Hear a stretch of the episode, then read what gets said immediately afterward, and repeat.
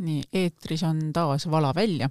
mina olen Keiu, minu kõrval on Martin ja sedapuhku ähm, no me ütleme niimoodi kohe, et meil on jälle üks veinikool käsil, aga kui me varem oleme tutvustanud äh, erinevaid viinamarju ükshaaval, siis äh, sel korral räägime hoopis lähemalt ühest viinamarja kasvatuspiirkonnast, veinipiirkonnast. me tõmbasime käima jah, äh, nii-öelda teise kooli seeria või alamseeria, et selgitada teile ka seda, nii-öelda me oleme viinamarjadest niivõrd palju ikkagi rääkinud, et ja seal kajastanud seda, et kust, kus mingid asjad kasvavad, aga nüüd lähme väga konkreetselt juba geograafilisse punkti. jah, see ja see punkt on Roon ja sellest on rääkima, issand, ma ei suuda öelda, sellepärast et ma näen, et eh, meie seekordne rääkija avab parajasti vahuveini, siis ma mõtlen, mis häält see teeb see tegi väga ilusat häält huh,. okei okay., ei tulnud seekord suurt ehmatust. niisiis, meil on stuudios külas Le Vignoble asutaja Rünno Lumiste. tegemist on siis veinide maaletoojaga, siukse nunnu pisikese prantsuse veinide maaletoojaga. on õige öelda niimoodi või? kui täpne olla, siis me asutasime selle koos naise. Üks asutajatest. Rünno Lumiste teab asja ja tema naine teab ka. ja, ja, ja, ja isegi tütar teab, sest tema oli minu kursakaid mina tahtsin öelda seda, et kui teil tekkis küsimus, et miks me Prantsusmaal näiteks ei alustanud Bordeaux'st, šampanjast ähm,, Burgundiast näiteks, siis äh, minu vastus on, miks mitte? Sellepärast, et äh, Bordeaux'st ja Burgundiast, Alsace'ist, kõikidest nendest piirkondadest on tõenäoliselt räägitud päris palju, Roon on äärmiselt põnev, aga samas võib-olla jäänud tahaplaanile ja muuseas iga kord, kui sommeljedega on ka juttu näiteks või on mingisugune rooni veinide maitsmine, siis kõik ütlevad seda, et ikka noh, läheb nagu meelest tihti ära või. et selles mõttes ma arvan, on väga õige, et alustada just, just sealtkandist no kõik hakkab alati sellest, et kust tulevad ajaloolised juured ja ja nagu üks, üks mu tuttavaid ütleb, et kõik on logistika siin ilmas ja ja tõepoolest, et Eestisse ju tulid veinid läbi sakslaste ja siit tulid rislingud ja, ja siis tulid äh, Prantsusmaa poole rislingud ja siis tuli Burgundia ja, ja, ja nii ta läks edasi ja, ja, ja loomulikult on ju need, mis avanesid Atlandi ookeanile, need veinid tulid nagu kiiremini siia ja ja kuna Rooni jõgi voolab äh, põhjast lõunasse, siis jõuab tema vaikselt äh, Vahemerre ja selle tõttu on alati Rooni veinide tuntus äh, lõuna pool olnud suurem kui põhja pool. ja ärme unustame ka nagu seda, et Prantsusmaa on niisugune maa, et et oma praeguses geograafilises asukohas ta on sisuliselt kasvanud Pariis, et, et alguse koht oli Pariisis, Pariisi krahvid hakkasid vallutama järgmisi maid ja ja, ja need viimased maad, mis kätte saadi, olidki, olidki seal eh, lõunas ja, ja siis noh, lõputult Alsace, kes käib Saksamaa ja Prantsusmaa vahet, et et selles mõttes lihtsalt eestlaseni jõudsid need veinid hiljem ja neist nii palju ei teata, aga nad on lõunas tuntud. ma palusin kohe alus, alguseks ette valmistada kolm lõbusat fakti, siis ma mõtlesin, nüüd, nüüd juba peaaegu nagu rääkisidki ära, aga aga sa vist valmistasid midagi muud ikkagi ette. ei, ikka on jah, on ju, ja ja me nagu jõuame niisuguse noh, täpsema jutuni ka, on ju, siin kindlasti jutu sees ja, ja metoodilisema jutuni, aga aga üks nagu äh, Rooni niisuguseid äh, veine on Rooni külaveinid ehk Roon Village nimetatud ja ja seal on külanimedega need veinid ja ühel külal on niisugune eh, omapärane nimi, selle küla nimi on Plan de Dieu on ju ja ja küsida, et küllest see ajalooliselt tuleb, on, et sellel on ka konkreetne seletus olemas ja asi oli niimoodi, et kui Rooma riik ära lagunes, noh siis nagu ikka pärast anarhia ja ja seal oli suur võpsik või, või sellel prantslastel on kohe nendel puisniitudel oma nimed, aga ütleme võpsik on ju, ja võpsikus elasid röövlid on ju, ja see, kas inimene sealt võpsikust läbi sai ja kahe küla vahel sai liikuda või külast linna, see oli väga suur juhuse asi ja ja, ja, ja sellepärast selle küla nimeks oligi Plan de Dieu, et see oli Jumala plaan, kas ta laskis su võpsikust läbi või ei lasknud võpsikust läbi, onju. et, et noh, ikkagi seesama ja vot sama lugu on ju Pääskülal ka, et, et kui sa jõudsid Pääskülla, siis sa olid nagu nendest pääsenud või? röövlite käest ja, pääsenud. pääsenud jah, jah. Nõmme, Nõmme poolt tulles jah, et plan de Dieu ehk Jumala plaan on, et. üks käes. Nii. Nojah, on ju, see oli üks lugu, on ju siis järgmine lugu on, on, on külast Sant Pantaleon ja, ja ja tavaliselt on ju, et kui me mäletame nagu Nõukogude, kes mäletame nagu Nõukogude aega on ju, et alati oli küsimus, et millal alustada põllutöödega on ju. ja nagu meil selles ähm, ideaalmastiku filmis ka on, et nad mõtlevad, et millal alustada viljakülviga ja Prantsusmaal on selleks, selleks viljakülvi ajaks või viinamarja korjamise ajaks, vabandust. viinamarja korjamine on ka, et millal siis küla alustab viinamarja korjamist ja Sant-Pantaleoni külas on ka leitud meetod selleks, et kokku istuvad kõige vanem veinimeister ja kõige noorem veinimeister ja nemad kahekesi kollegiaalselt leiavadki siis selle aja onju, et vot nüüd on õige aeg, millal küla läheb äh, põllule ja hakkab viinamarju korjama. hea ressursikasutus et oleks äh, kõige ausam demokraatia. nojah, kollektiivne otsus on ju ei lähe liiga kaua aega ka vä-, väldib ühe inimese eksimust, äh, mahendab. nii, kolmas lugu kolmas lugu on, neid lugusid on seal hästi palju selles mõttes, aga nii, kolmas lugu võiks olla nagu Põhjaroonist ka ja, ja Põhjaroonis oli, oli suur senjöör, tema nimi nagu, muuseas Prantsus, Prantsusmaa senjööridel keskajal olid sageli germaani nimed ja, ja kuna frangid oli see õim, kes siis selle Prantsusmaa, tänases mõistes Prantsusmaa vallutas ja ja siis seal oli tõesti senioor, kellel olid, kellel oli kaks tütart, onju, ja, ja, ja, ja ühel tütrel oli, oli, oli harjumus kammida päeval juukseid ja teisel oli öösel juukseid ja selle järgi pandi ka maalapid, nimeks oli kott blond ja, ja kott brünn, onju, et et täiesti siuksed aia maalapid on, on seal üleval ja sealt tulevad tõsiselt äh, head, aga loomulikult siis ka vastava hinnaga veinid, et, et noh, räägime, ma olen ise ökonomist ja räägime siin numbrist ka, et, et, et eks need sealt tulevad ikkagi siukse kolmekohalise numbri algused, veel väike kolmekohaline number on ju. noh, võib-olla õnnestub sealt natuke koha pealt ja mõnelt võib-olla mitte nii tuntud tootjalt saada nii kui enne, kui me edasi läheme, siis numbreid mainisid, aga, aga mis sind lisaks numbritele just veinidega seob?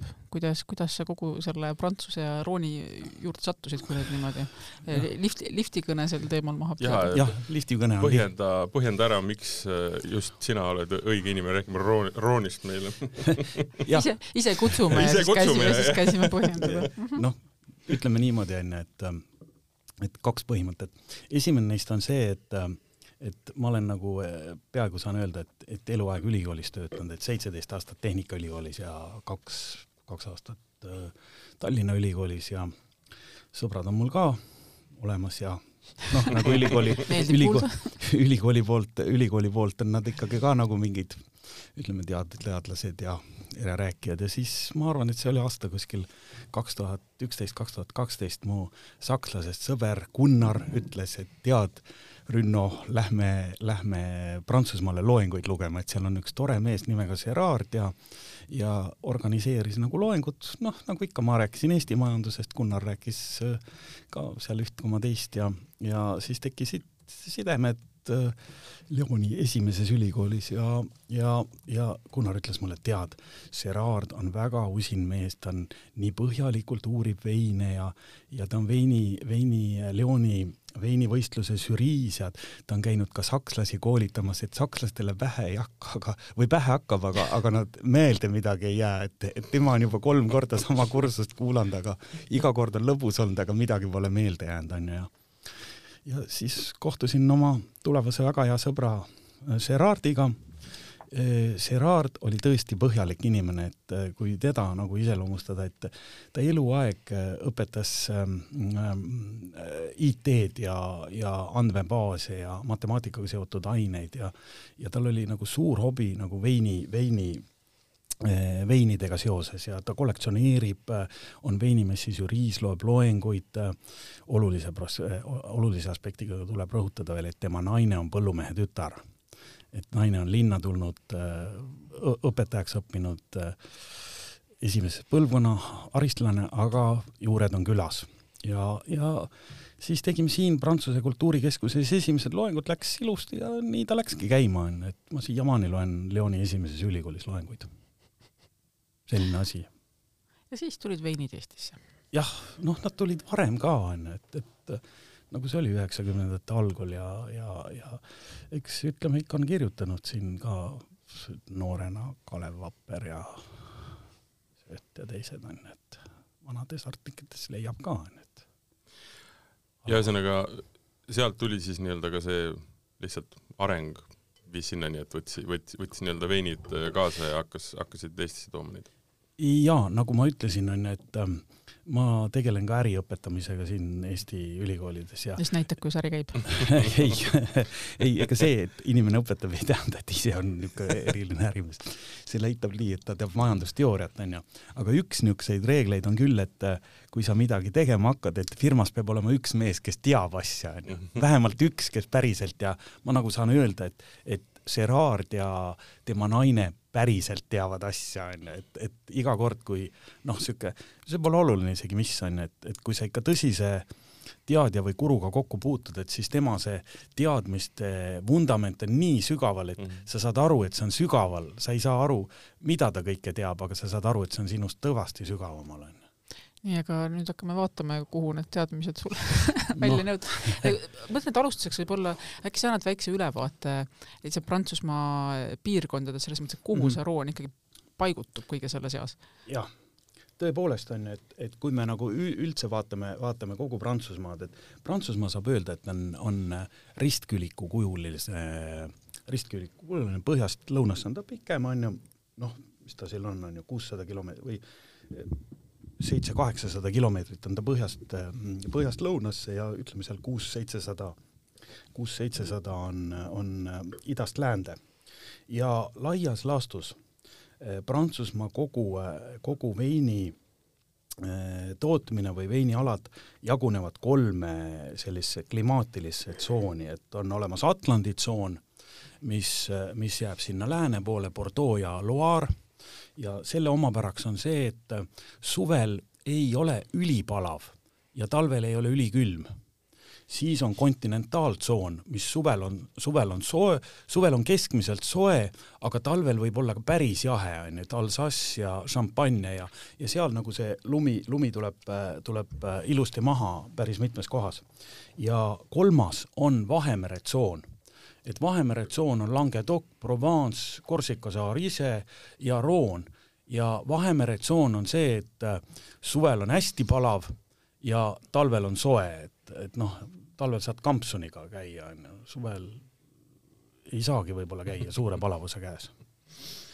et see on nagu niisugune Prantsusmaa veinipiirkondade jagunemine ja noh, siis ütleme sellest äh, jagunemisest edasi, noh, nagu siin kui me piirkondadest räägime, et seal kontinentaaltsoonis on, on Champagne, Alsace, Syrah, noh, enam-vähem ka Burgundia, siis selles äh, Atlandi tsoonis on Loire, Bordeaux äh, ja, ja Vahemere tsooni jäävad siis Languedoc, Provence, Korsika ja Rooni org, et, et niisugune, seal on kogu aeg soe ja ma numbrid konkreetselt olen ära unustanud, aga võrreldes Eestiga vist tuli ma ei tea, kas kümme tundi päevas keskmiselt oli seal päike, et sisuliselt seal kogu aeg päike paistab.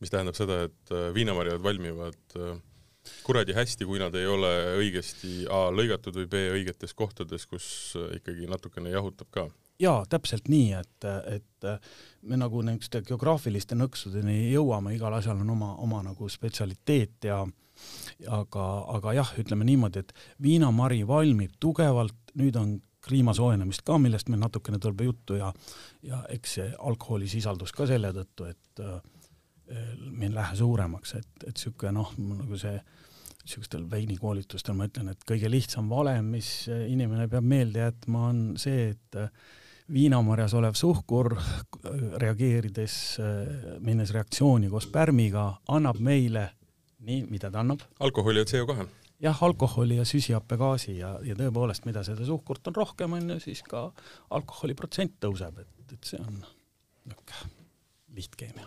väga lihtne, väga lihtne kliima soojenemine veinide näitel? jah, kliima soojenemine kindlasti mõjutab eriti soojedes piirkondades ja ütleme, veini, viinamarjade kasvatus tuleb ka vaikselt järjest põhja poole. et ega noh, ütleme nii, Eestis perspektiivi on Eesti perspektiivi on jaa, sest et kasvatatakse väga hästi juba ju noh, ütleme, me teame, tavaline see nii-öelda laiuskraadide nii-öelda vahemik on kolmkümmend kuni, kuni viiskümmend, kus mm -hmm. nii mõlemal nii-öelda poolusel tegelikult on kõige ideaalsemad tingimused viinamarjade kasvatamiseks, nii-öelda vitis vinifera siis viinamarjade kasvatamiseks aga see nihkub, sest et noh, et, et siin on olnud terve nii-öelda kevad ja suvi juttu sellest, kuidas erinevates Prantsusmaa piirkondades on tegelikult ikkagi, olgem ausad, ma ei hakanud nagu päris vulgaarseks minema, aga ikka pekkis on.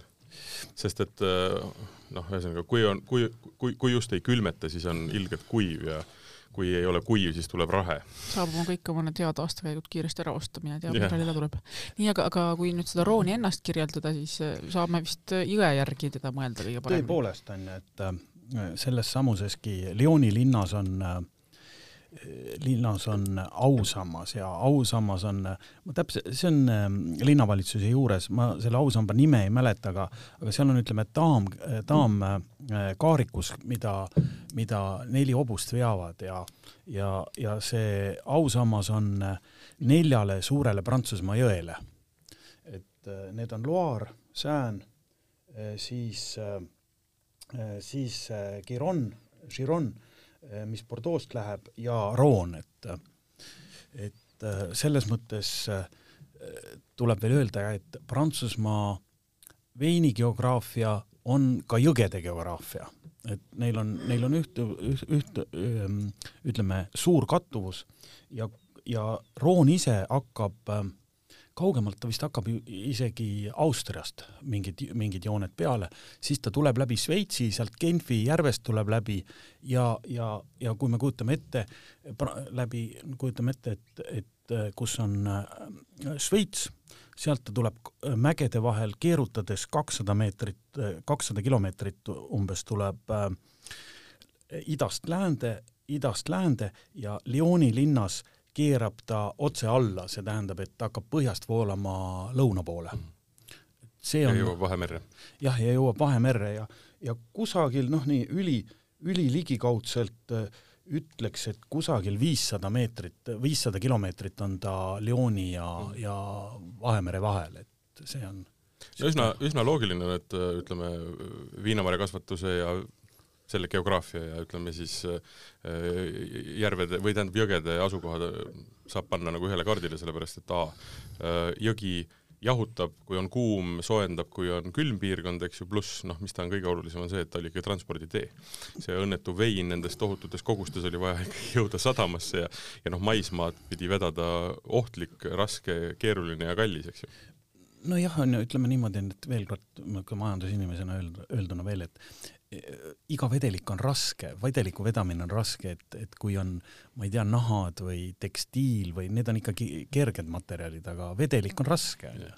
kodust ka ikkagi naisterahvas, kes peab minema mitme liitri piima või mineraalveepudelitega, tal on seda keerulisem teha pluss äh, ta peab olema pakendatud õigesti ja see ei ole selline, et sa nahad paned kuidas iganes, ehk kõige paremas mõttes, noh, saata mm -hmm. vedelikuga on keerulisem mm. -hmm aga kui me nüüd äh, mõtleme marjade peale, siis jällegi, kuna Roonis äh, põhja ja lõunat äh, niimoodi eristatakse, siis ei saa nagu ühtselt kogu aeg rääkida sellest, vaid tulebki ilmselt neist kahest eraldi rääkida. jaa, aga ma võib-olla hetkeks läheks nagu tagasi, et me siin algul proovisime ühte väikest vahuveini onju ja, ja see on, see on ka ilmselt mingist marjast tehtud. tähendab jah, see on tehtud ja, ja kui on olemas Põhjaroon ja Lõunaroon, siis nende vahel see vist ametlikult kuulub isegi Põhja-Rooni, on äh, mõningad mäed, mida nimetatakse eelalpideks, nad on alpide nagu siuksed äh, ütleme, kuskil kuni viiesajani ma pakun või, või võib-olla ka isegi tuhandeni. noh, meie mõistes mäed, sealses mõistes künkad alpide mõttes ja seal on, äh, toodetakse vahuveini ja, ja selle nimi on Clarette Di ja Clarette Diil on oma meetod, selle nimi on vaat kui te siit vaatate pudeli pealt. Ancestral tundub olevat. jaa, Ancestral, aga Ancestralil on üks alameetod, metoote dios on ju. et ikkagi see põhimõte, põhimõte Ancestralil on see, et äh, Ancestral tähendab seda, et ta jäetakse hästi madalale temperatuurile ja siis see meie valemis olev äh, viinamarja suhkur ise ei äh, jõua, jõua madalal temperatuuril ära käärida ja seda suhkrut jääb sisse, et sellel on ka see on niisugune magusam, magusam ja, ja ta on hästi vana meetodiga, et äh, kunagi oli, kunagi olid ju kaljahõimud elasid Prantsusmaal lõuna pool ja, ja mingi noh, ma arvan, et et nad Rooma süsteemis nagu äh, need väiksemad hõimukesed kadusid ära või sulandusid sisse, et tegi see, tekkis nagu Prantsusmaa rahvas ja, ja ja Gallo-Romaani ja traditsioon ja ja oli oli selle hõimu nimi oli, oli Vokontiilid, et see oli mingi sihuke alamõim kalja, kaljalastest, kes noh, kroonikates, kroonikates tegutses aktiivselt seal kaks sajandit enne, enne Kristust ja, ja võib-olla veel mingi kroonikates midagi mainiti veel peale Kristust, aga nendelt, nende aladelt tuleb, et see on seal keskroonis olev -hmm. õim, on ju, õim ja nendel oli komme teha veini niimoodi, et täiesti juhuslikult oli väidetavalt selle veini asutajal või leiutajal oli, olid jäänud anumad äh, ununud jõkke, kus külm vesi voolas ja need jäid, talveks jäid sinna, toodi jälle suvisematele karjamaadele, avastati, et et need anumad olid, savianumad ilmselt äh, olid seal jões ulpisid, tehti lahti, vaadati maitses ja ja sealt tekkiski traditsioon ja, ja see metoode dios on ju, ongi äh, selle piirkonna niisugune eripära. ta ei ole väga kommertslik selles mõttes, et teda on vähe liigub ja ja ta on teedest kaugemal, aga ta on niisugune noh, pehme, suviselt meeldivalt juua. aga mis tema, mis tema sees on ikkagi? tema sees on viinamarjad ikkagi nagu igas veinis, aga, aga klarett, klarett on see, klarett on see viinamari ja, ja sellise meetodiga on tehtud, et ongi niisugune noh, ütleme natukene vähem tuntud viinamari ja.... oota, kas see tähendab seda, et ta valmistatakse siiamaani nendes äh, nii-öelda savianumates siis? tähendab ei valmistata kõike, et, et ta on, ta on no, osa, osa valmistatakse või su päris suur hulk valmistatakse pudelites mm, -hmm. aga, aga osa on ka savi, savianumates ja nagu omapäraks on tõesti see, et, et ta hoitakse, hoitakse madalal temperatuuril, et see asi on niimoodi, et, et on esimene käärimine tangis siis äh, teine käärimine, noh, või mitte teist käär-, siis sellel järel, kui ta on tangis nagu kiire ki,, algsne kääritamine tehtud, pannakse hästi madalale temperatuurile ja hoitakse, hoitakse talv läbi, noh siis peale talve, peale talve võetakse pudel lahti, filtreeritakse ära, on ju, ja pannakse pudelisse tagasi ja, ja, ja sellisena mm -hmm. on mhm. see meetod. sest et äh, need meetodid, ütleme, kui, kuna meil kool on, eks ju, on äh, metood traditsionell, mis tähendab seda, et mm -hmm. see on see, mida šampanja kasutab.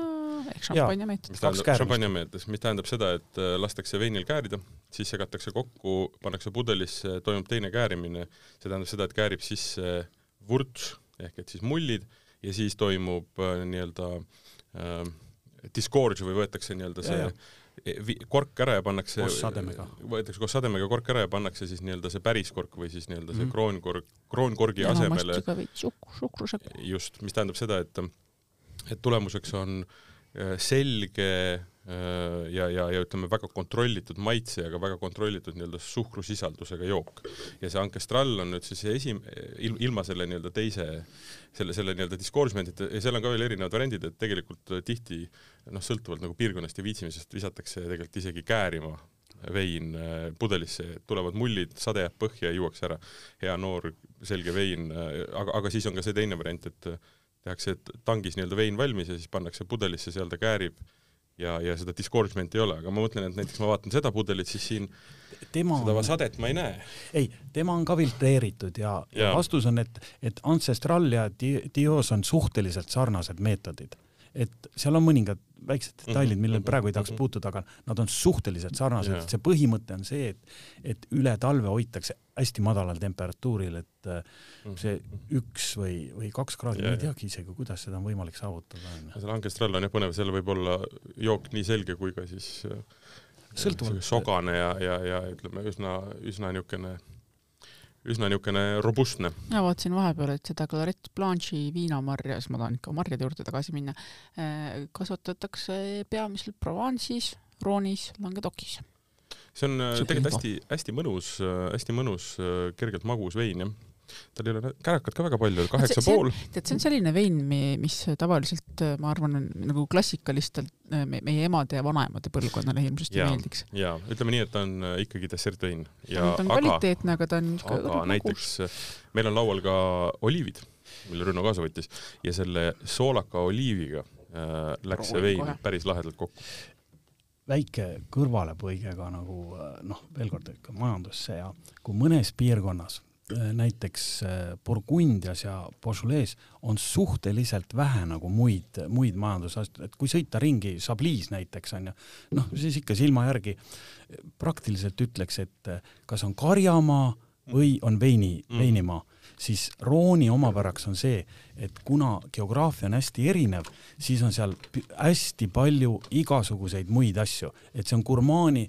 Lyoni gurmee ei tule mitte, mitte tühja koha pealt, vaid seal on hästi palju igasuguseid asju ja see tsoon hakkab niimoodi, et kõige madalamas, mis on jõe ääres, seal on juurviljade kasvatus mm, -hmm. et, mhm. et juurikat mitmesuguseid, aprikoose on palju ja, ja, ja, ja muid selliseid asju.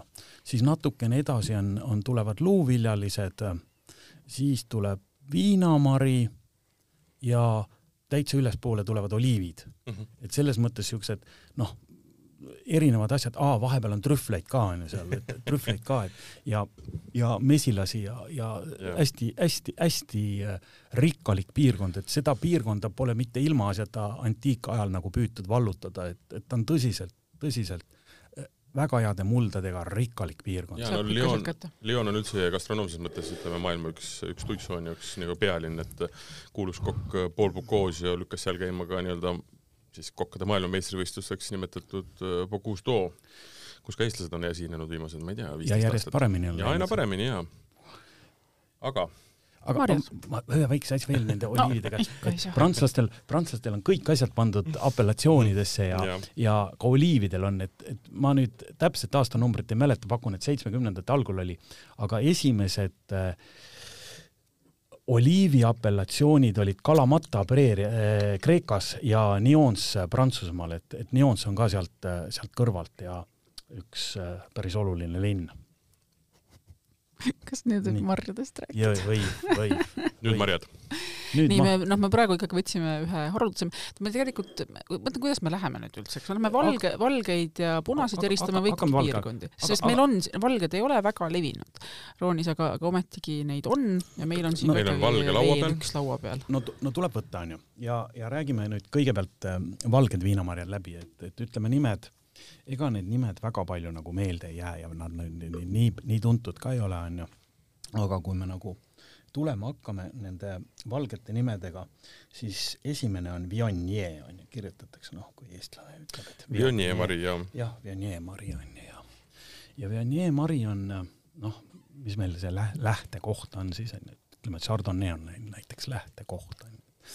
et ütleks nii, et aromaatsem on veel on ju, seal on mesisust, võib-olla kriips vähem kuivem on ju vähem kuivam, noh, kõik sõltub ka oludest, kus kasvatada, aga see oleks nagu lähtekoht, et, et lillelisem, eh, mesisem ja aromaatsem kui Chardonnay, et, et see on nagu, see on nagu lähtekoht ja, ja, ja, ja, ja Viognier äh,, tal on mõned hästi kuulsad kohad, noh, üks näiteks on äh,, kui me, kui me siin paralleelselt peame ka geograafiast rääkima, et, et kui me tuleme ülevalt poolt allapoole, see tähendab Lyoni linnast sõidame lõunasse, siis seal lähedal on Condreux nimeline apellatsioon.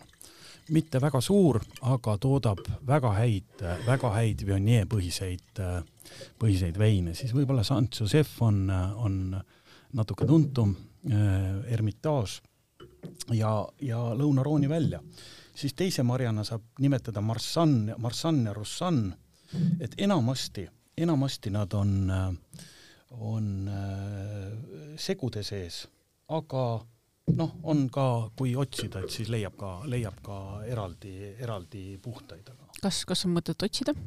kas tasub ära? Koha peal kindlasti, koha peal kindlasti, et Eestis on võib-olla raske onju, et noh, kui ma küsin teiltki onju, et mis teile ütleb nimi Russan või Marssan onju, et Rosanne Marsan ütleb mulle Põhja-Rooni seguveinide kaks marja ja seda ta ütlebki mulle. tõenäoliselt ka Saint Josephi sees. Saint Joseph ja et, et ta teda muidugi, seda marja, neid mõlemaid marju on levitatud ka ütleme mujale maailma, Austraalias näiteks kasvatatakse ka ja ma olen kuulnud isegi äh, mõnedes nii-öelda majades, kus on noh, võib-olla eksperimentaalsem äh, veinimeister, eks ju, näiteks Lõuna-Aafrika Vabariigis ka on seda katsu- ka,, ka, katsetatud, aga noh, see kõik on niimoodi näpuotsaga, noh. jäi veel ütlemata valge Grenache ka. Grenache Blanc. jah, Grenache Blanc, et, et tõepoolest on ju, et et Grenache'il oli ka mitmeid, et, et siin kindlasti mõni bioloog oskab täpsemini öelda, aga, aga Grenache'il on ka oma, oma nagu variatsioonid ja, ja erinevaid kloone ja, ja ja aretuse käigus on, on saadud ka valge grenache. see on. aga räägime vahepeal, mida me joome. me valasime välja nii, valge veini. nii, võib-olla ma natukene räägin nüüd geo-, geo-, geograafiat, geo-, geoloogiat ka on ju vahepeal, et kui me kuni, kuniks räägib sellest, selle veini geograafias aga loomulikult, aga loomulikult on ju, aga loomulikult ühest küljest tahaks kõik ära rääkida. et, et me ütlesime, et me ütlesime, et oma olemuselt on äh, on Rooni veinipiirkond on jõeäärne piirkond. Ja kui me nüüd kujutame ette, et, et oma vaimusilmas, et, et see lähtekoht on Lyoni linn, et, et Lyoni linnast sõidame autoga lõuna poole, juba mingi viieteist minuti pärast hakkavad äh, veini, veini jõe ääres veini, äh, veiniistandused ja ja algul on see veinipiirkond, on väga kitsas, ta on ainult jõe parempoolsel kaldal mm, -hmm ja, ja ta on kahe, kahe eh, mägede vahel, et, et päris eh, järsud mäed on, ühelt poolt on Alpid ja teiselt poolt on keskmassiiv ja jõgi on sealt vahelt läbi murdnud. noh, ma niimoodi silma järgi öel-, öelnuna ütleks, et need on kusagil seal kolme-neljasaja meetri kõrgused, aga kuna nad on suhteliselt ki-, eh, kitsasele alale surunud, et siis on mäeküljed hästi järsud.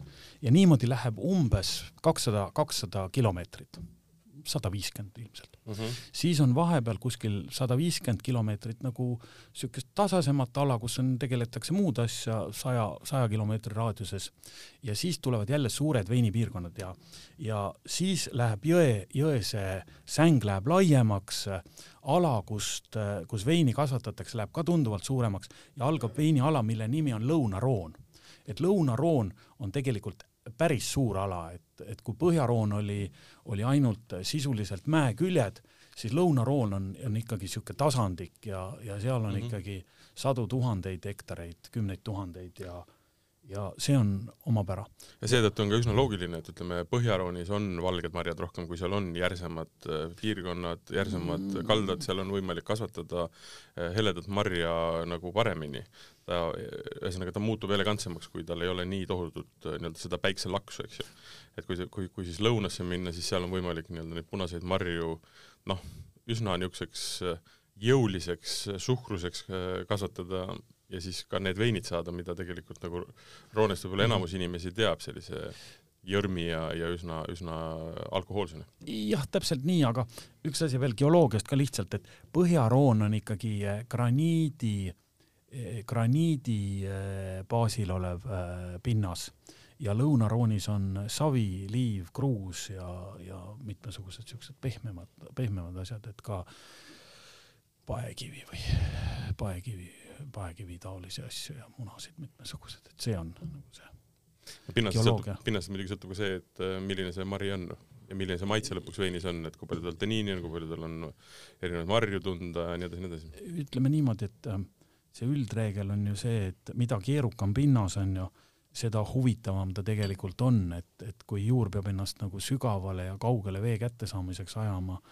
siis äh, siis äh, ta tõmbab ka erinevaid mineraale ja, ja ja Põhjaroonis tõepoolest on ju, et, et sellest graniidist läbipugemiseks peab viinamarja juur tegema nagu kõvasti tööd ja, ja ja noh, siis ta tõmbab neid graniidi sees olevaid mineraale ja, ja kui ta on nagu lõunaroonis, siis tal võib-olla natuke elu on natuke lihtsam, on ju, et savi- ja liivases pinnases, pinnases võib-olla on mitte nii palju neid mineraale ei ole sees, on ju. Aga nüüd me võtsime lahti valge, Viognier, lõunaroonist tulnud, ütleme niimoodi, et saviliivaselt pinnaselt äh, selline, kuidas ma nüüd ütlen, võib-olla te ise ise- iseloomustate natukene. No väga parfüümne, hästi parfüümne, ja õline isegi minu jaoks, kolmteist pool kraadi, seda on kohe tunda. mida on kurk, kurk hakkab äh, kuumama. Mis on valge veini kohta ikkagi üsna korralik äh, tulemus ja seda siukest äh, ütleme, ma ei taha öelda jõrm, aga, aga ta on niisugune heas mõttes niisugune tantsuvein. tantsuvein. no selles mõttes, et äh, sa ei kas, mõtle kas sa pead jooma teda ja siis tantsima või, või sa pead tantsima ta ajab sind tantsima, sellepärast et ta ei vaja liiga palju mõtlemist, aga ta teeb sul tuju heaks, tal on piisavalt palju alkoholi, ta on niisugune lopsakas ja marjane. no kõik on need mõnusad asjad, mis inimesel teevad tuju rõõmsaks äh, versus võib-olla elegantsemad veinid, mis tahavad natukene nagu menetlemist ja niisugust äh, sisekaemust. jaa, ta on ikka kiiremaks, kiiremaks joomiseks, aga pluss ta on noor, ta on kaks tuhat kakskümmend üks ka. jaa, üks asi veel, mis siit äh, nagu jutuna, sest me alati midagi millegagi assotsieerime, et äh, Lõuna-Roonis on ka hästi kõva lavendlikasvatus, et Lõuna-Roon on lavendlikasvatuspiirkond ja oi, see ei sa- olnud isegi jäätis sellest. seesama, seesama tootja nimega Gigon-, Gigondan, Bruno Gigondan, tal on, ta, ta, toodab ka Estee Lauderile lavendlit. mm. -hmm. ma, ma tean, et, et nende lavendiväljade kandis olevate veiniaedade äh, inimesed kipuvad ütlema, et lavendli äh, maitset tuleb ikkagi ka veinidesse läbi, kuidas, kuidas sa sellesse suhtud? selle kohta ma ei oska. oled, ole, ole, oled kunagi tundnud lavendirühma no äh, veinis? ei tea, ma nagu pildilt vaatan ikkagi, et kui ma näen, onju, et see siuke sinika, sinakas lilla on, onju, et, et ma pigem vaatan nagu silmadega seda, et, et näen, et, et põllud on vaheldumisi, aga ilmselt küll onju, et, et midagi ta tõenäoliselt ikka mõjutab, aga, aga kas otseselt läbi selle, et ta on lavendli aroomi või maitsega, seda nüüd päris ütleme, mitte. et veinide maailmas on sageli nii palju kujutlusvõimega Mm, seotud, et igasugustel linnalegendidel ja, ja teadusel on vahepeal raske vahet teha. Kindlasti ka mesilinnukesed, mesilinnukesed käivad ja tolmendamine, noh, tolmendamine mõjutab ka meie maitse. käivad oma mustade jalgadega üle Jah. nendest õitest. nojah, lihtsalt ütleme, kui me räägime juba vee, veinist, mis pudelis meieni jõuab, see on läinud läbi nii palju erinevate süsteemide, protsesside, et kas aitäh kogu romantika kas- lavendli maitse nagu päriselt sinna jõuab, noh versus see, et me, sa mainisid ka, et me, mesi on hästi oluline, ütleme seal piirkonna üks produkt, eks ju, noh, et kui me mõtleme näiteks Eestis oota, meevaha meenutab maitsed vein, mulle ka. maitsed mett ja kohe saad aru, et Tatra põld on lähedal olnud, eks ju, ja nii edasi ja nii edasi, noh, et ma- ta päris nii lihtsalt, ma kujutan ette, et ka lavendel tegelikult mee sees võib olla päris äh, selgelt nagu ära tuntav. ma küsin tootjalt siis, et kas ta karjub sima- samade korvidega korjab äh, viinamarju ja absoluutselt, see oleks väga huvitav teada, jah. aga see on selline hea lihtne vein, mis tõenäoliselt väga pikalt hoidmist ei kannata ka, et ta ongi niisugune äratarbimise Jaa. vein ja paar aastat, paar aastat, äärmisel juhul kolm on ju, aga kes, kes kolme joob oodab. aga ta on selline vein, et äh, ta otseselt ei nõua mingit sööki kõrvale, aga täitsa võib. aga mida, aga mida, aga mida võiks, oliivikesi? oliivikesi jah. ma proovin nüüd oliivis kõigele. ja, ja kui me nagu söögist räägime, loomulikult on ju, et, et kui on bioloogiliselt rikas piirkond, kõike toodetakse, siis on ka köök ja ja nagu, nagu see elu, elu ikka on, et et kui seal on mäeküljed, et siis on seal lambakene, lambakene jookseb ringi ja, ja ja seal muidu lehmi ei ole tegelikult onju, et vett seal nii palju ei ole piirkonnas, et lehm tahab vett juua kõvasti, aga lambad, lambaid on küll ja kitsesid ja siukseid väikseid sõra, sõralisi, et kidurama olustikuga hästi harjuvaid loomi. nii äh,, valged marjad said kiiresti üle käidud, nüüd me jõuame selle juurde, mis, miks roon tegelikult on nii-öelda jah, jõuame, põnevuse kerimine. me jõuame päris osa juurde, me jõuame päris osa ma ei lähe, juurde. nagu, nagu äh, Sommeli koolis on õpetatud, ei ole seda päris osa ega halvemat osa, kõik on hea, aga lihtsalt mulle küll ei õpetatud seda, ma ei tea, millest sa räägid. no, sa ei kuulnud siis seda tundi. no, nojah, vot see on ka küsimus onju, et kui sa oled valges piirkonnas onju, noh näiteks Alsace'is onju, et kas sul on kunagi võimalus näiteks äh, Alsace'i Pinot Grig'a saada tuntuks või, või, või noh, või näiteks onju, sõidad Sancerre'i onju, seal on ka, seal on ka natukene, natukene kameed ja, ja, ja sealt kõrvalt, kõrvalt, kõrvalt Pinot Noir'i onju.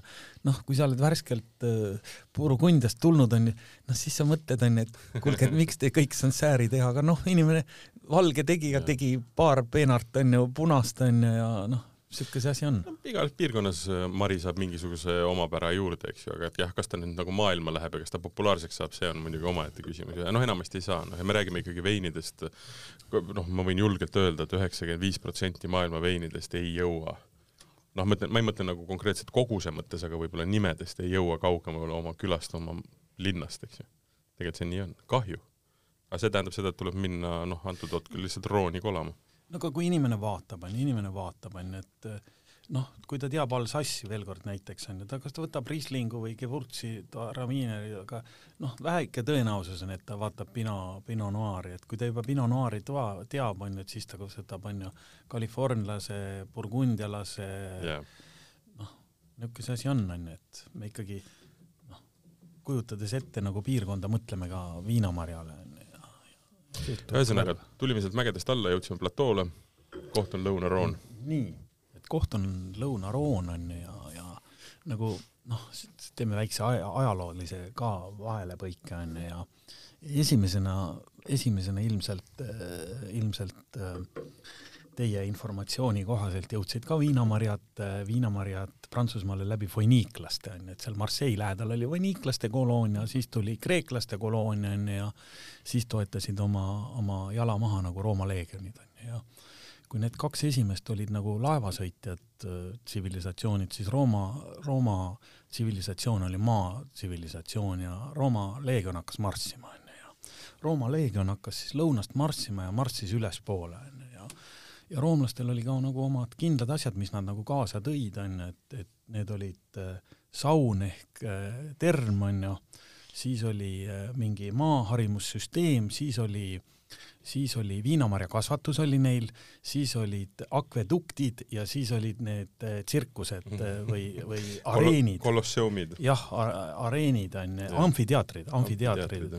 et neid nad sinna püstitasid, neid on muuseas seal ka veel on ja mm., ja, ja Lyoni lähedal on, on mõned päris korralikult see, vähemalt üks korralikult säilinud tempel on veel olemas mm., Rooma tempel okay.. aga niisuguseid roomlaste võidukaari ja muid roomlaste seot-, roomlastega tehtud kiviehitisi seal on ja ja kõige parem viis vist, kuidas seda nii-öelda visualiseerida, on see, et ma arvan, et äh, meie kuulajad on kõik äh, kohtunud sellise videomänguga nagu SimCity, siis seal ja. oli alati see, et kui, ma mäletan seda videot, kus, kus, kui roomlased läksid, siis nende taga olid viinamarjad, akveduktid, teed, enne oli, ei olnud mitte midagi, ühesõnaga, et niisugune, täpselt niimoodi nad kõndisid, nii kui nad marssisid, nii nad tegelikult põhimõtteliselt e tänase päeva mõttes asfalteerisid, kündsid ehitasid majad ja siis läksid aina edasi ja aina edasi, tekitasid nii-öelda tsivilisatsiooni. viinamarjaaiad tehti ja, ja katastrite süsteem on siiamaani, et, et majad, kus on küla ja kus on põldude jagunemised, need on siiamaani on roomaaegsed piiritähised ja tähiseid olemas ja teed on ka, teedevõrk on, teedevõrk on seesama ja nagu me ütlesime, on ju, et, et alt hakati tulema, marsiti ülespoole ja, ja, ja noh, nagu ta ikka on, et, et saja kilomeetri taha tekiti linn ja, ja kümne kilomeetri taha tekitati küla ja, ja nii ta tuli, nii ta tuli ja, ja kui nüüd, nüüd viinamarjadest rääkida, et et, et sealt altpoolt tulles, altpoolt tulles nagu soojas maas ikkagi nagu kaks, kaks tuntumat, tuntumat, tuntumate hulgas viinamarja on Syrah, Hispaania nimega Shiraz ja teine on Grenache Hispaania nimega Granatsa, onju. et, et, et need on nagu noh, niisugused kõige kõvemad tegijad. kui natuke niisugust viinamarja ajalukku rääkida, siis neid variante, kus Sira, kuskohast Sira tuleb, on ka hästi palju, et, et Iraani variant on olemas ja, ja Hispaania variant on olemas ja ja Süüria variant ja Sitsiilia variant.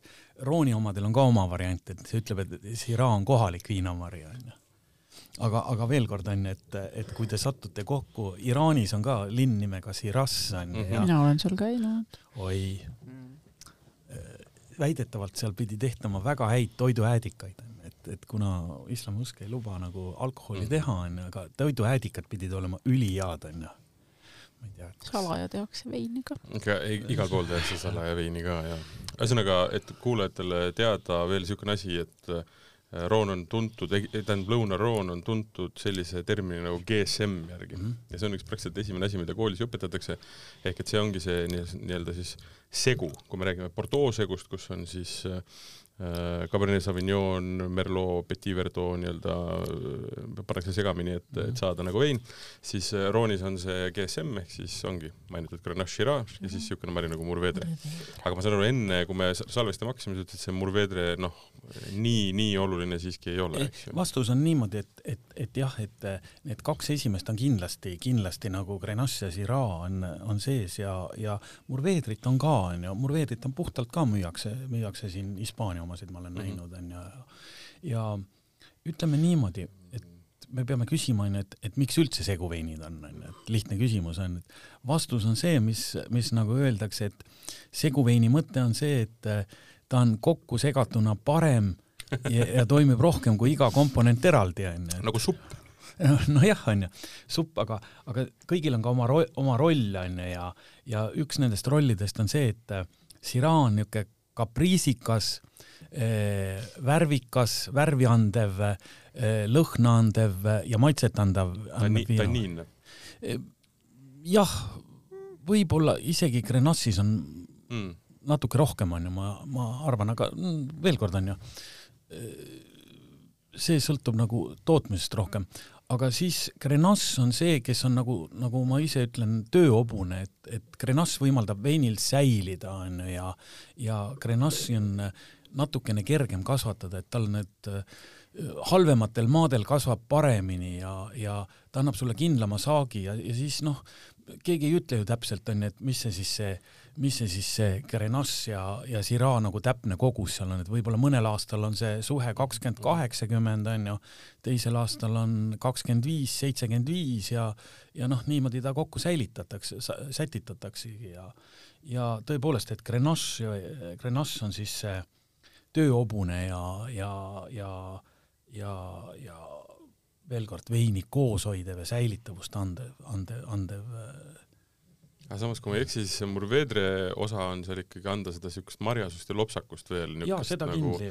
seda, seda viimast sellist, noh, kuidas ma siis ütlen. tugevad aroomid Lihvi, ja mm -hmm, aroomi mm -hmm. annab ja aroomi ja niisugust värskust. sest et äh, teie ei tea, mis ajal me seda lindistame, seda välja ka ei ütle, aga ma saan öelda, et eile maitsesime ühte. Keiu oli ka seal, kui me maitsesime ühte sada protsenti Murvedret ja see oli väga kihvt vein. hispaanlane? see oli hispaanlane.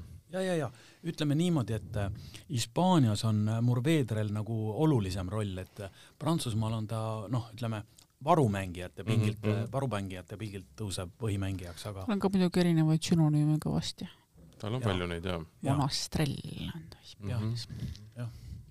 aga veel kord, ta on sees, ta on Vahemere mari, onju, kui me näeme teda puhtana, siis ostame puhtana ja, ja veel kord see GSM onju, teise põlvkonna mobiiltelefonid olid, oli teine või kolmas piirkond, teine põlv, põlvkond, teine, teine põlvkond, NMT ja siis tuli Jah. GSM. jah, jah, see jääb hästi meelde, ma mäletan jah, kui ka koolis seda räägiti, siis see Nokia, algsed Nokiad. nii saab jätta meelde, et mis on Roo-, Lõuna-Rooni kolm äh, võib-olla kõige põhilisemat marja, eks ju. Grenache, Syrah ja Mourvedre. aga äh, üks trend, mis on äh, maailmas, on see, et äh, aina enam äh, nii-öelda ka need marjad, mis on võib-olla segus tavaliselt, need tõstetakse välja ja tehakse nii-öelda ühe siis marjaveine ja tehakse ühega siis võib-olla külaveine, et ühesõnaga just need piirkonnad, kus Mhm. on, ütleme, jook tuntud oma seguga, noh, me räägime näiteks kaava, mis koosneb kolmest marjast mm, Mhm. -hmm. Valpolicellas ütleme Amaroned ja, ja, ja, ja kohalikud nii-öelda punaseveinid, mis on ka kolme marja segud, onju, et, et aina rohkem neid marju nagu tõstetakse e esile ka ühekaupa ja, ja ütleme, elustatakse võib-olla vanu marju, mida noh, ei ole üldsegi võib-olla ühekaupa üldse nagu mm, -hmm. nagu kogenud, näiteks šampanjas on see Pinot Meunier, mis tuleb praegu. Ja mis lahe oli, ma suvel näiteks leidsin väga palju siis äh, Grossman Sengi mm. -hmm. ka just nii-öelda Lõuna-Prantsusmaalt ja mis olid väga-väga kihvtid Languedocist siuksed, Languedocist jah mm. -hmm. hästi põnevad ja et noh, ühesõnaga, et kas, kas ütleme nende kolme marja, mida me teame segudes, on see trend ka kuidagi Roones, et tehakse ühe, ühe nagu siis marjaveine?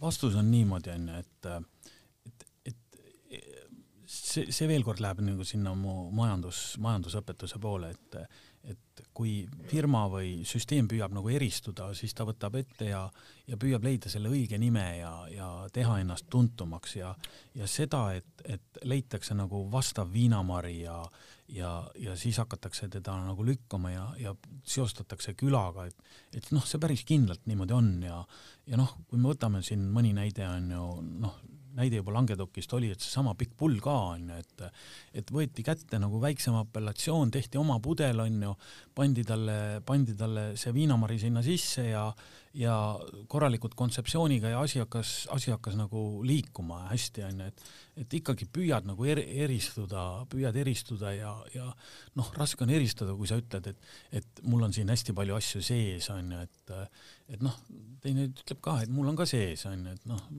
võta kinni, et, et selles mõttes trendi sinnapoole on, onju, aga kui me räägime nagu Rooni viinamarjadest, onju, natuke siin veel kord süsteemselt, onju, et me algusime sellest, et, et, et ülemises osas Põhja-Roon on Põhja-Roon ja, ja Põhja-Roonis on ikkagi punane tehakse siraast, kõik punane tehakse siraast ja, ja ja ma arvan, noh, siit vaadates lakkenumbreid on, et, et võib-olla üheksakümmend protsenti seal kasvatavatest maailma viinamarjadest ongi siraa, et et kallid Põhja-Rooni punased on tehtud siraast pikaks hoidmiseks ja ja siraa on, siraa on seal põhimari, on ju.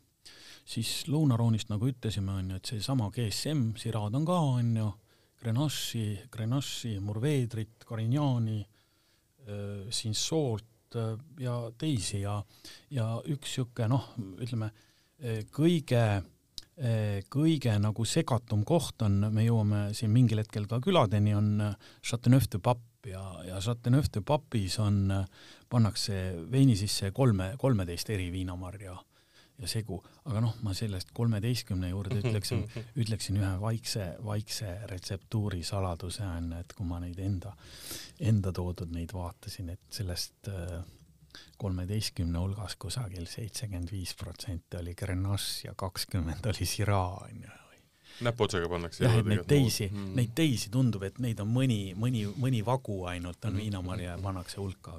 et Grenache Syrah on ikkagi see üheksakümmend protsenti Chateauneuf de Papi. see on muidugi koht, kus tehakse muuhulgas ka valgeid, Chateauneuf de Papil on täiesti olemas valge apellatsioon, äh, roseesid tehakse seal kandis, aga see ei kuulu selle apellatsiooni alla.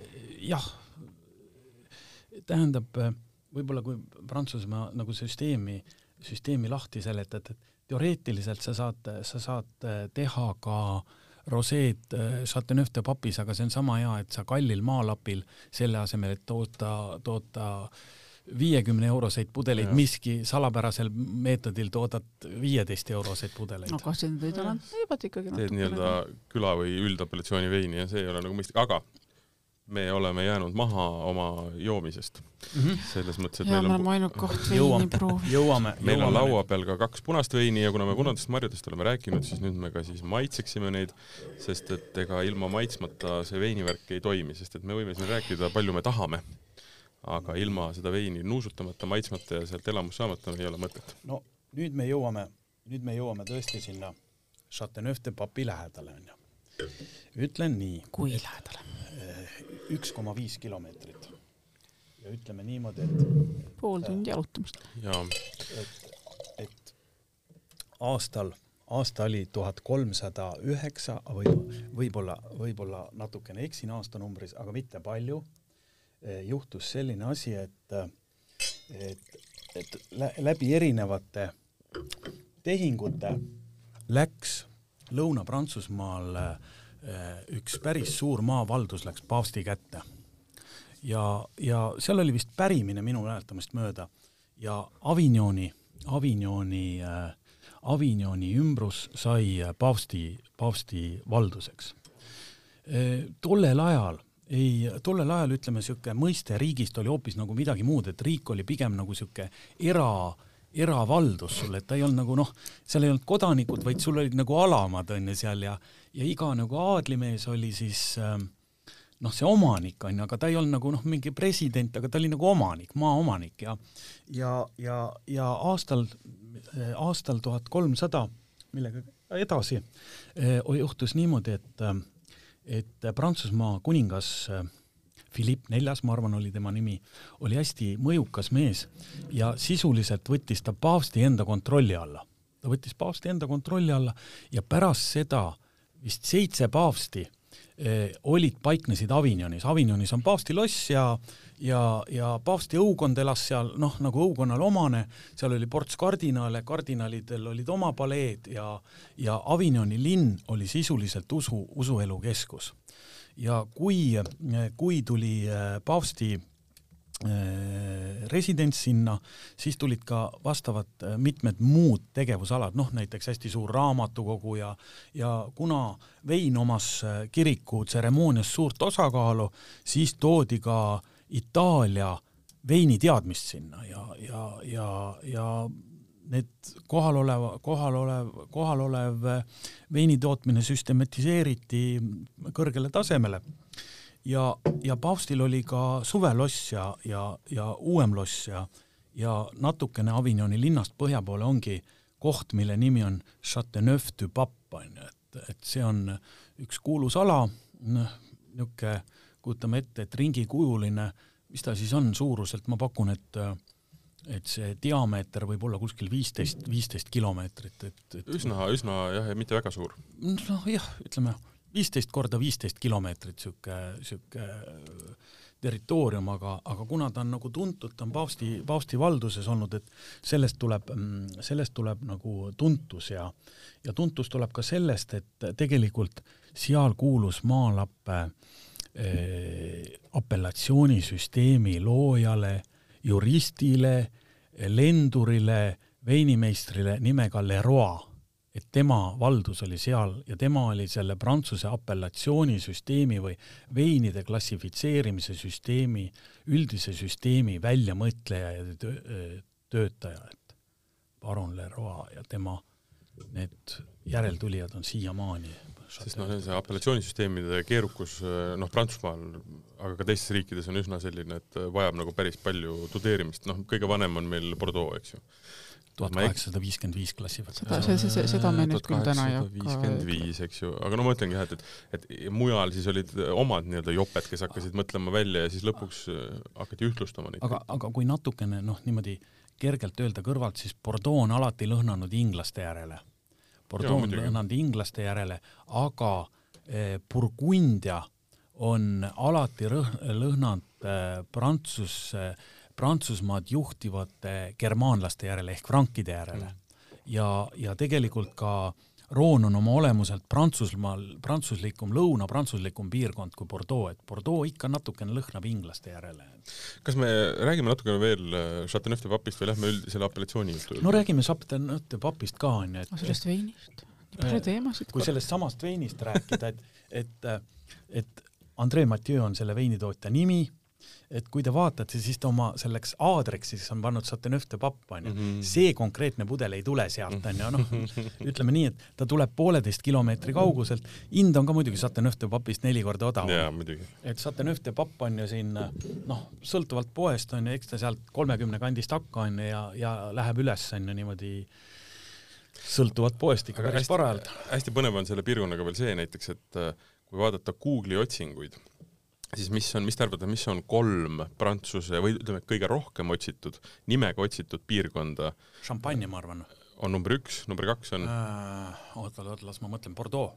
ei mm., on Chablis ja kolmas on Châteauneuf-de-Pape et need on kuidas kolm... inimesed selle välja suudavad kirjutada ühesõnaga, et need on kolm piirkonda, ühesõnaga kolm piirkonda, mida tuntakse kui veini on ju mm -hmm., ühesõnaga piirkond ja vein on noh, ütleme sünonüümid, mis tähendab seda, et neid osatakse siis nagu otsida. mina hakkasin mõtlema vahepeal hoopis, miks see, kui seitse paavsti, paavsti seal ikkagi ära oli, mis sellel eh, Gregor, Gregorius üheteistkümnendaks häda oli, et tema lõpuks ikkagi tagasi tahtis ära sealt minna? eks nad jooksid ära, on ju. kas talle ei meeldinud vein ei, vein meeldis, aga no me ei saa öelda, et Itaalia veinid olid halvemad, on ju, et, et paavst oli, veel kord on ju, ta oli ideoloogiline liider, läänemaailma ideoloogiline liider ja alati, kui on ideoloogia ja poliitika omavahel vastuolus on ju, siis tekib mingi konflikt sisse on ju ja, ja mindi Itaaliasse. mina arvan, et see kõik on palju lihtsam. tuhande kolmesaja seitsmekümne seitsmendal aastal tulid... läks Gregorius tagasi. ma arvan äh,, härra Gregorius juurde tuli inimene Itaaliast, ütles, et tead, meil on niisugune plaan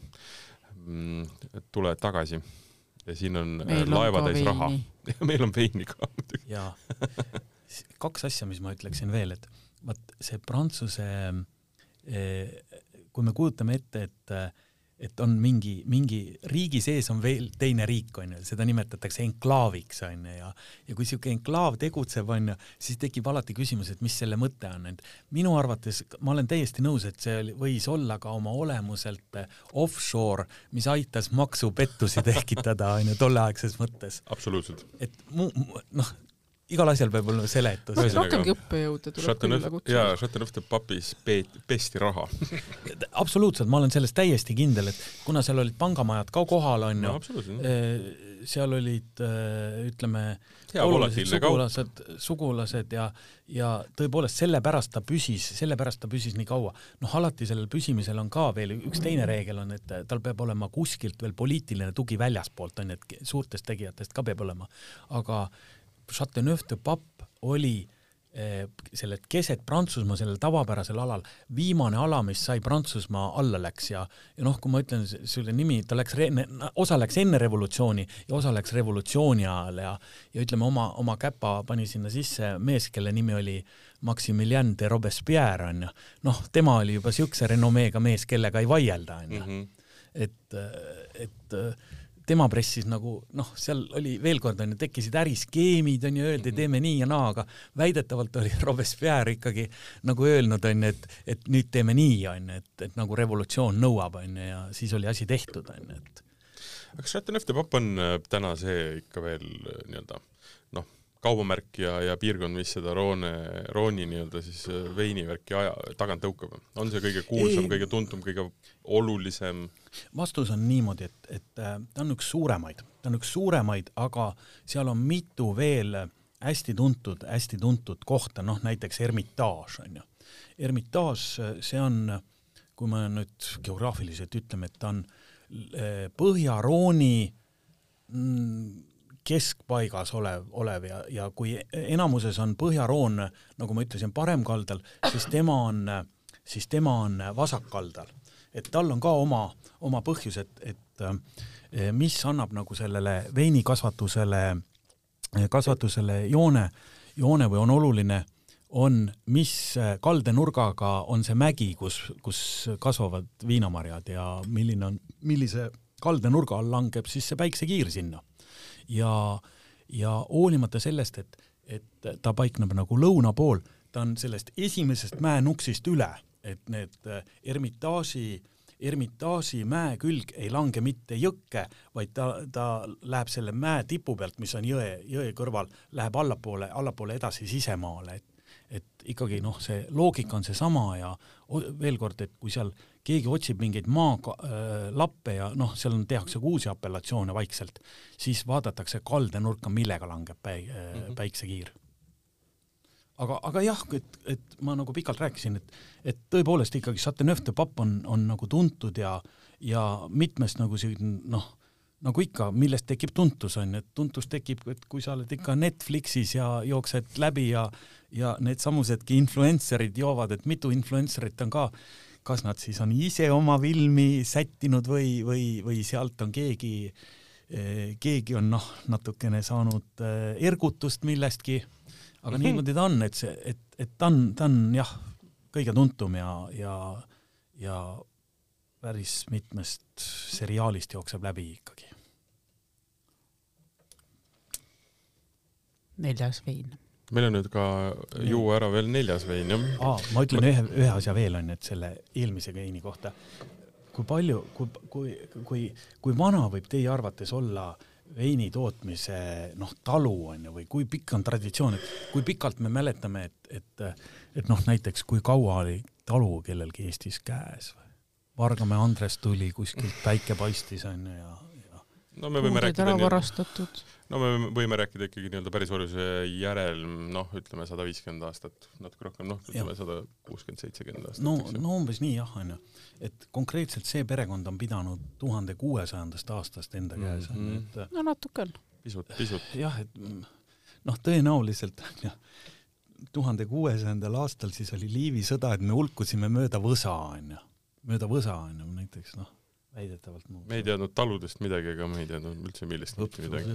ei, ei, ei, me ei no nii ma, nii ei ole ka ilus öelda. ei, ei, ütleme niimoodi, need, kes eestlased, kes ellu jäid, on ju, vähemalt suguvõsa legendi järgi, need oskasid ennast ära peita sohu ja metsa, on ju. et neil olid väga suured teadmised, et kõik need, kõik need muud tegelased, kes kaugetest armeedest siin Eestist üle käisid, nende eest nad said ennast ära peidetud, sest kui nad oleks kätte saanud, meid ei oleks. Aga vein oli väga meeldiv, selles mõttes, et ma vahepeal vaatasin koduleheküljele teil ja ma saan aru, et ma saan selle kätte väga, väga mõistliku hinna eest. mis on mõistlik, mis on mõistlik hind?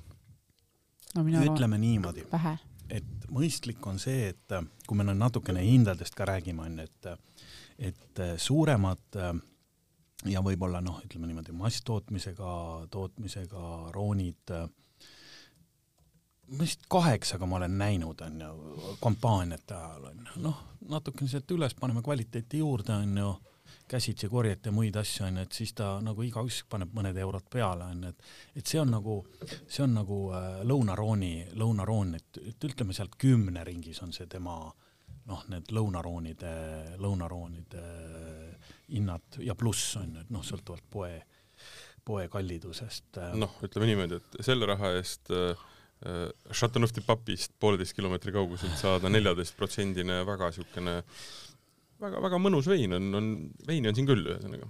kas tantsida saad? Äh, teate, vaata see on nüüd niisugune juba või pead hakkama mediteerima? mõtleks, eks ju. Äh, alkoholi on palju, see jääb tantsima ühe jala, onju, aga, aga ta vajab, tal on seda niisugust elegantsi rohkem aga, aga ta on kaks tuhat kakskümmend ja siin võib ta küll rahulikult. ta on kerge, kergelt elegantne lihtne. ta on kerge, aga, aga sa, vaata, see ongi see hästi-hästi huvitav nende sooja piirkonna nii-öelda veinide puhul, et ta on kerge, läbipaistev, ta tahaks eh, nii-öelda sellist eh, noh, lihtsat nagu menetlemist -hmm. ja siis on tal see neliteist volti ehk et, ehk et see taga, tagant tuleb ikkagi nagu see laulu lauluhääl ja küll tantsusamm ka onju aga tegelikult on ju, vot meil on alkoholiregister ka olemas, on ju, et kui me toome midagi maale, on ju, ja, ja ja siis me peame registreerima neid numbreid ja tegelikult, kui ma, kui ma seitse-kaheksa aastat tagasi alustasin, on ju, siis need numbrid oli, ma registreerisin kolmeteistkümneseid, on ju, ja ja, ja, ja nüüd ma registreerin viieteistkümneseid, on ju. et Läheb kangemaks? et ma, tegelikult ma, ma, ma enda teadmised oli, et, et viie, viieteistkümnest üle enam ei lähe, onju, vist mul on, keegi on viisteist pool ka, onju, aga. oi ei, ei, on ikka kangemaid aga.... ei no jaa, aga siis loomu, loomu, loomulikult nad ikkagi. Amarones köetakse ka ütleme kuue, kuue, kuueteist poole seitsmeteistkümneni. aga, aga kas need ei ole kangestatud? ei ole, ei ole, tähendab, need, me räägime uutest pärmidest, mis on tegelikult ah, okay. laboris töötatud välja. jah. sest mina uskusin, et loomuliku, loomuliku pealt nii, kõrge loomuliku pealt eh, mingil hetkel tapab ära ja.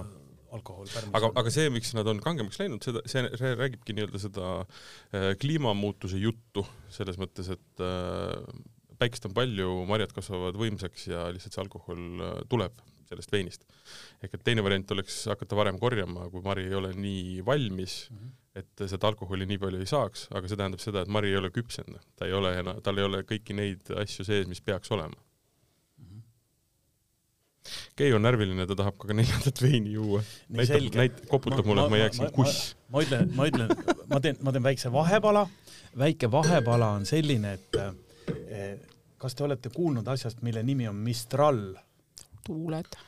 jah, et see oli küll, küll laev, mida Prantsusmaa müüs Venemaale ja lõpuks ei müünud, onju, mis jõudis Egiptusesse, onju, peale Krimmi sõda. aga Mistral tähendab eh, tuult ja see tuul puhub, ta hakkab kuskilt, hakkab puhuma sealt Burgundiast, põhja poolt ja siis selles koridoris, mis on äh, Lyonist üle, äh, Lyonist üle, seal ta võtab hoo sisse. ütleme niimoodi, et äh, ma olen olnud ka, ütleme niisugune paras tugev tormituul, et, et sihuke noh, kui sõita praamiga Hiiumaale ja kõvasti loksutab, et, et midagi sellist, aga sisemaal on ta harjumatu ja, ja tal on nagu üks hea omadus, et ta pühib Mistralle, eh, puhub sitikat viinamarja eh, lehtede vahelt ära mm. -hmm. et kui on lõigatud korralikult ja, ja siis tema see noh, sihuke mõjub nagu taimekahjureid hävitavana, et mm. Mistralli tuul, ta veel kord, põhjast lõunasse puhub, ta kevadeti puhub suure hooga, et ikka siis käib noh, me oleme sellega harjunud, et mõni katus ka läheb, on ju, Mhm. nõrgemini kinnitatud majadel ja prügikastid ja see muud. läheb katus koos majaga.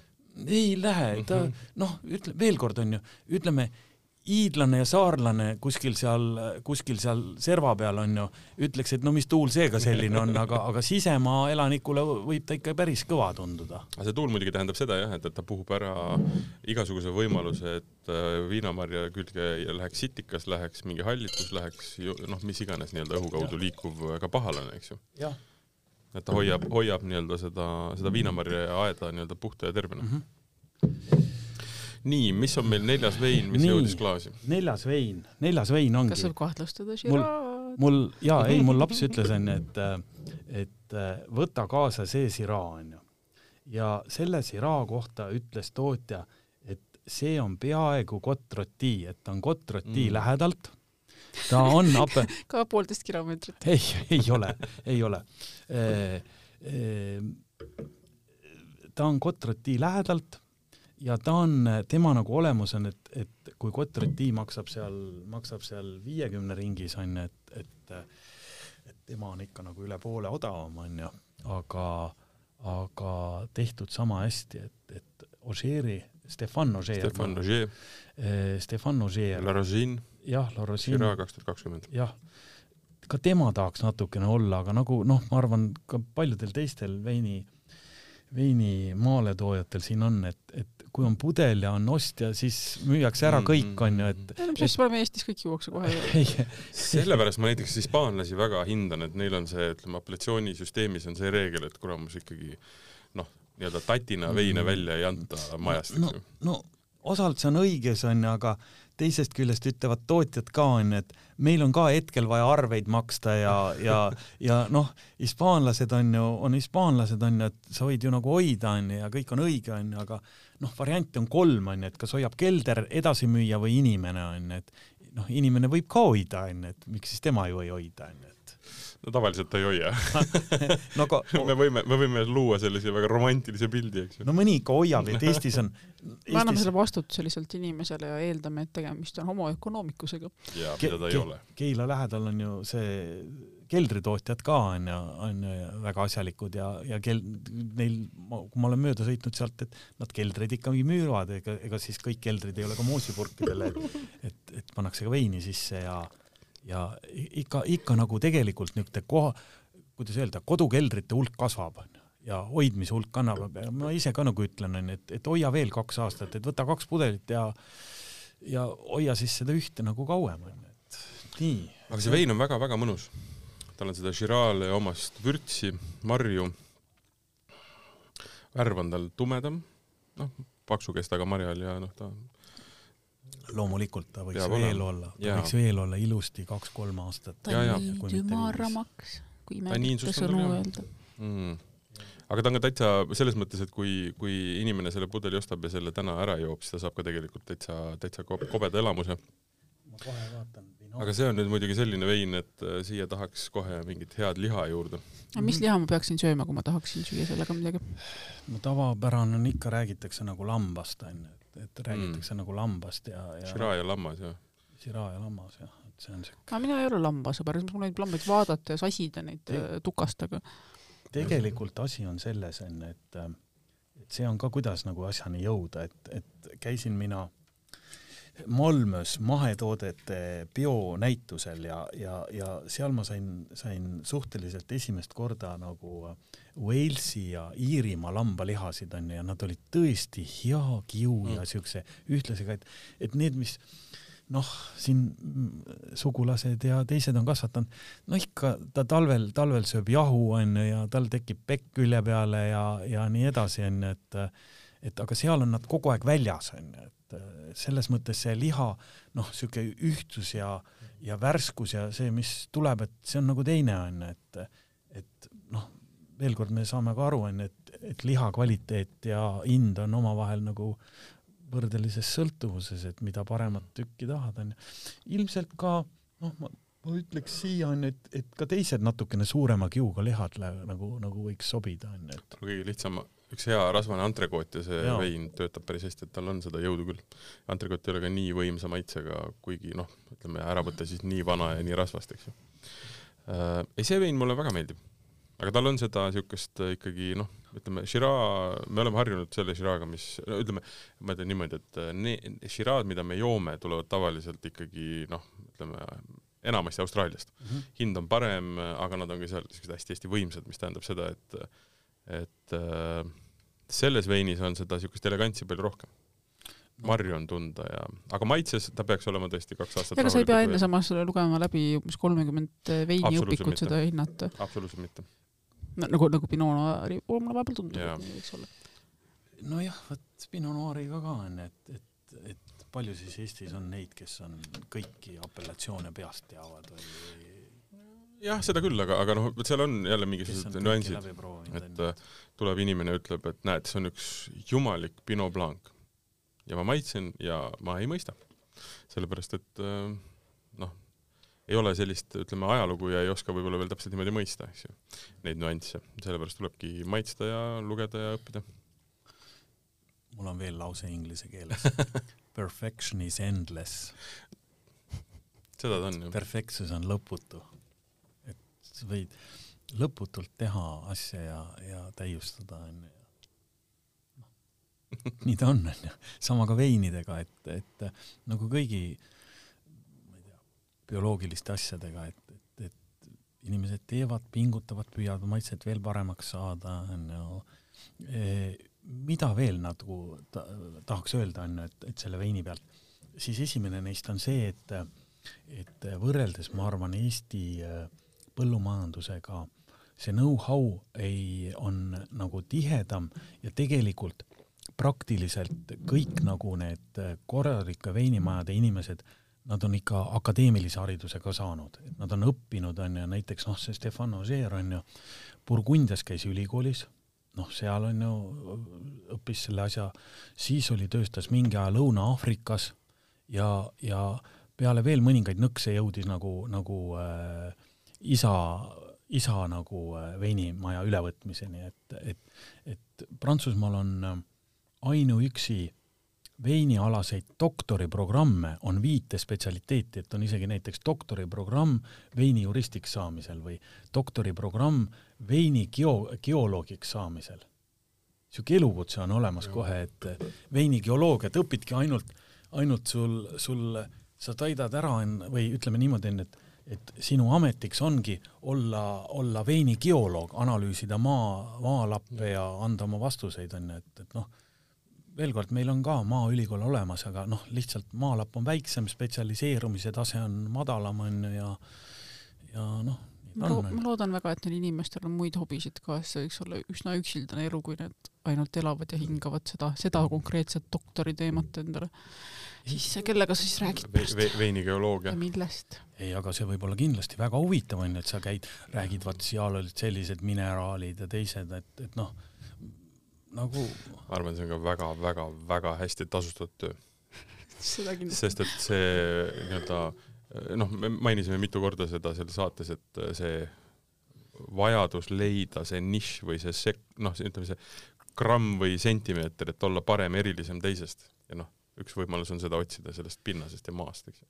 ja tänapäeva maailm on, ma usun, et need elukutsed on tegelikult juba rahvusvahelised, et kui sa oled ikkagi tõepoolest on ju Burgundias üles töötanud veini geoloog on ju, siis väga vabalt võidakse sind ka kutsuda Hiina ja öeldakse, et püüa nende mäekülgede pealt leida koht on siin ju on. kohver raha, hakka tööle Jah.. Keiul on viimane küsimus. Äh, vot just nimelt minul ei ole viimaseid küsimusi, Martin, sinul on alati viimased küsimused. me rääkisime roonest erineva külje alt, me rääkisime sellest, et on olemas põhjaroon, lõunaroon, kuidas nad erinevad, mis marju seal kasutatakse, mis on? veine, mis seal vahepeal on, mis veine seal äh, valmistatakse, mis on põnevamad piirkonnad. ma arvan, et me saaksime siin rääkida veel rahulikult umbes neli või neliteist tundi, sest et äh, nende piirkondadega rooni nii-öelda erinevad nüansid on nagu täitsa, täitsa meeletud, et ähm, aga, aga väikseks nii-öelda nagu selliseks äh, kuidas ma ütlen, isu tekitajaks või snäkiks oli see, oli see üle, üle tunnine jutt päris hea, ma arvan et inimesed vast äh, siis lähevad otsima neid veine. nojah, niivõrd palju asju on siin rääkida, noh näitena on ju veel, et, et on olemas Tavelli nimeline roosa piirkond, et sada protsenti rosee. jah, sada protsenti rosee on ju ja, ja, ja parem kaldal ja, ja säilitusroseed siit ta kasvatab, et kui tavaliselt noh, Provence'it tuleb nagu ära juua aasta jooksul ja, ja, ja, ja teised kerged on ju.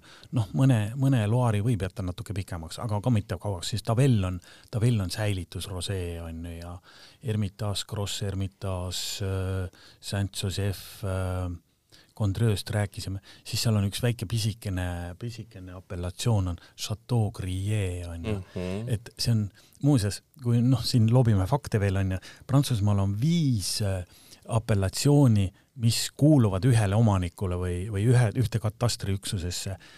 vist kaks olid äh, Burgundias, kaks Bordeaux ja, ja üks oli see on ju, see kuulub Keringi äh, luksuskaubamajade kontsernile, aga see ei ütle midagi, onju, aga selle omaniku naine on Salma Hayek, onju, et noh, see nagu ütleb, onju.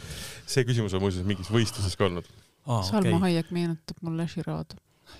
ei, ja, ja, ja see on tegelikult valge apellatsioon, Chateau Crier on valge apellatsioon äh,. see ei puutu asjasse selles mõttes, et Salma Hayek ikka meenutab Shira. Chateau Crier on valge apellatsioon, kui mul tuleks meelde, mis seal põhimari oli. seesama, seesama Viognier on seal. seal on Viognier, jah? jah, mhm. ja, ja seal on, seal on tegelikult noh, niimoodi öeldes, ma ise pole maitsnud, ausalt öelda, pole jõudnud, ma pean ütlema, mul sõber käib, seal on noh, see avatud talude või avatud külade päev, et tema mul, tema mu eest toodab seda intellektuaalset asja ja ja ma pean tal laskma selle noh, see Chateau Grier pudel maksab mingi kolmsada onju, aga seal on, neil on siuke nõks veel, et, et äh, et nad maitsesid mingeid osasid pudeleid, ütlesid, et see päris nagu ei anna seda kolmesajast mõõtu välja ja nad toodavad Coturone'i seitsmekümne eurost ka, onju, et noh, tõstsid, tõstsite nüüd oma apellatsioonist korraks kaugemale? nojah, üldist saab üldist, alati toota, onju, et Vin de France'i võib igal Prantsusmaa vist maalapil toota, onju. jah, nii peaks olema küll, aga noh, sellel ei ole mõtet, kui sul on ikkagi Grand Cru Grand Cru aiad käes, eks ju. seda loomulikult äh,. Roon sai mulle selgemaks mm -hmm. ja palju põnevamaks. ja ma tahaks sinna A minna ja B kõik Juua. need veinid nüüd veel kord läbi maitsta mm. -hmm mul on tunne, et me saime suurepärase stardi sellele uuele alamsarjale.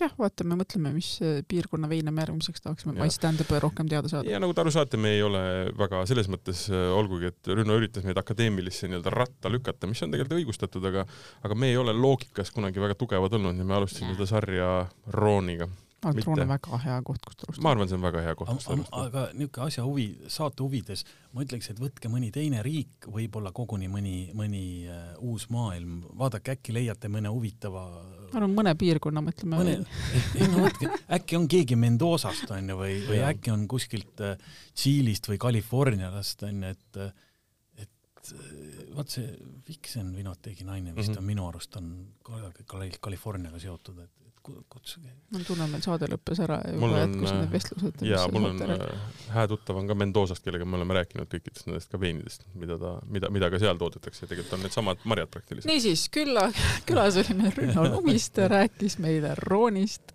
Äh, mina olen Keiu, minu kõrval on Martin, see oli siis sari veinipiirkondadest. üks veinipiirkond läbitud. meil on võimalusi veel päris palju. ja Vala välja tuleb tagasi järgmine kord äh, teisel teemal, ma ei tea, meil on siin mõte olnud Austrid ja siis me tahame veel Eestis ringi kolada, nii et ärge muretsege, me ei kao kuskile mm. -hmm. Austrid on ka jah. Neil on täpselt samamoodi apellatsioonid ja maad ja, no aitab!